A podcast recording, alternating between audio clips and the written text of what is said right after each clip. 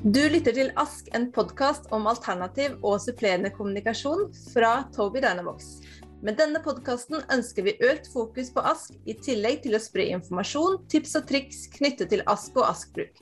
Podkasten er med meg, Katrine Redi, logoped og Ask-ansvarlig. Og med meg, Henrik Hansson, hjelpemiddelkonsulent. Vårt uppdrag är att ge människor med nedsatt funktionsevne möjligheten till att göra det de en gång gjorde eller göra det jag aldrig trodde var möjligt. Och I denna podcastepisoden ska vi snakke om øyestyring, och vem som kan ha nytta av det, och hur øyestyring fungerar, och vad som är viktigt att tänka på. Så I denna podcasten kommer vi til å snakke om hvordan øyestyring kan brukes, och då speciellt till kommunikation. Och på den måten gi barn, unge och vuxna utan talespråk som har utfordringer med motorikken, möjligheten till att kommunicera. Og for mange kan kanskje øyestyring høres veldig fremmed og teknisk ut, men jeg håper at vi i dag kan få informert og forklart hvor fantastisk det kan være for ASK-brukere å få tilgang til en sånn teknologi. Øyestyring har funnes i mange år, og vi i Tobii Dynavox startet med øyestyring i 2001, men da var det noe helt annet enn i dag.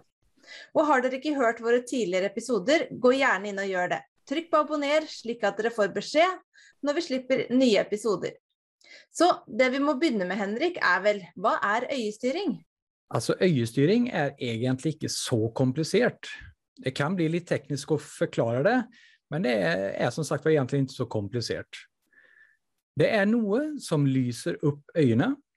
Det är ett kamera som tar bilder på ögonen.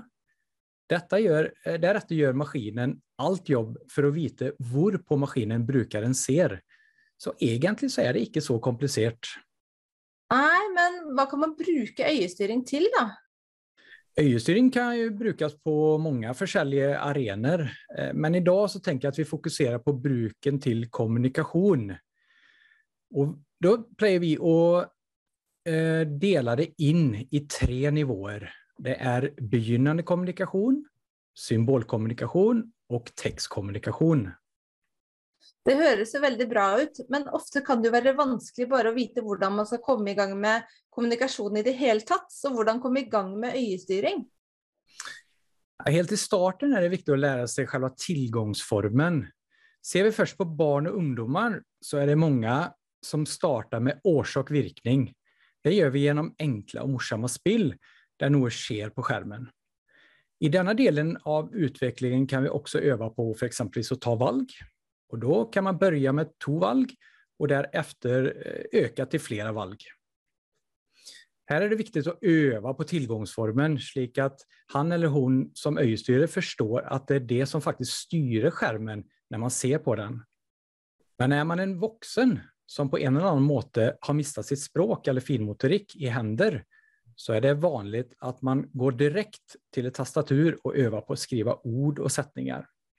Men också här är det viktigt att inte bara bli övning på tastatur, utan att man, att det blir något meningsfullt, som exempelvis läsa aviser eller se på Facebook eh, om, det, om man synes det är intressant. Med dagens teknologi och innehåll i forskjellige program, så tränger det inte att vara så vanskligt eller avancerat. Och som du säger, i den begynnande kommunikationen så är det kanske lite enklere ting som gjøres med øyestyring, og det kan ofte være morsomme spill. Og det kan være motiverende å være på det her nivået lenge, noen ting som den som trenger øyestyring faktisk mestrer. Men som i språkutvikling generelt ønsker vi jo at barna, eller ungdommene eller de voksne skal komme raskt videre og få muligheten til å kommunisere og ikke stoppe opp på et nivå. Hvordan kan vi få till det på bäst möjliga måte? Ja, detta ser vi ofta att man faktiskt sitter fast på ett nivå, som exempelvis orsak virkning. Jag tror det är viktigt att man faktiskt har ett mål. Ta hjälp och snack med någon som har varit borta i øyestyring tidigare. Men en naturlig väg eh, det är att gå från övning till att kommunicera genom bilder och naturliga scener, där askbrukaren i program, för exempelvis som Snapscene, kan se på ett bilde tatt på exempelvis av, en, av sin familj. Och så kommunicera med färdiglagade sättningar lagd in vid att se på olika personer på bilder.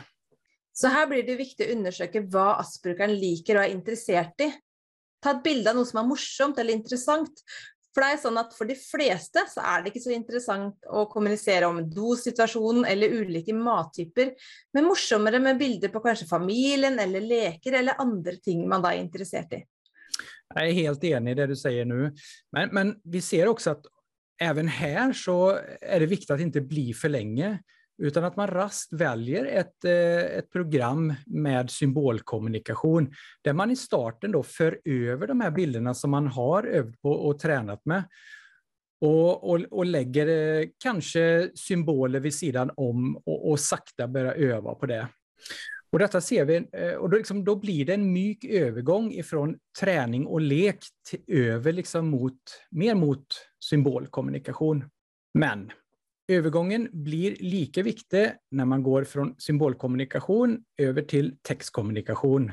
När vi går från kärnord och fortsätta öva med bokstäver och tastatur.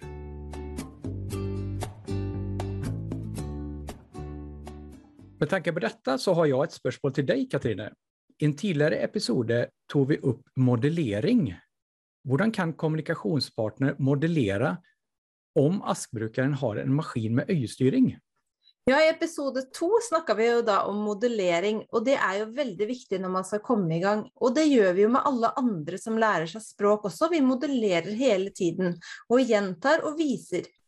Å hjelpe språkstimulering er jo en læringsstrategi der kommunikasjonspartneren modellerer kommunikasjon eller språk ved berøring, bruk eller peking på symboler på systemet for alternativ og supplerende kommunikasjon mens vi fortsatt snakker. Så ikke stopp å snakke når dere peker på eh, maskinen til den som bruker øyestyring.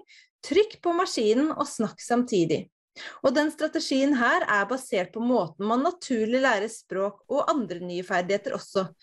Slik det er å snakke til et barn, hjelper vi dem da med å forstå og kommunisere med tale, viser vi da isteden ulike strategier hvordan ASK-systemet bruker. Så kommunikasjonspartneren kan fint trykke på maskinen som har da øyestyring, for på den måten å vise hvilke knapper som brukes.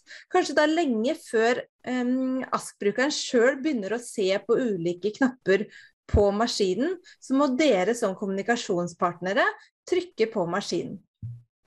Men hvem kan øyestyring da fungere for? Er det en spesiell alder, diagnose, eller er det andre kriterier for å benytte seg av øyestyring? Det är ett gott spörsmål för att eh, det naturliga valget av tillgångsform, det är ju touch. Men om inte det fungerar för exempelvis barn med vissa diagnoser, där man vet att diagnosen kan begränsa motorik och tale, då kan öjestyrning vara ett alternativ.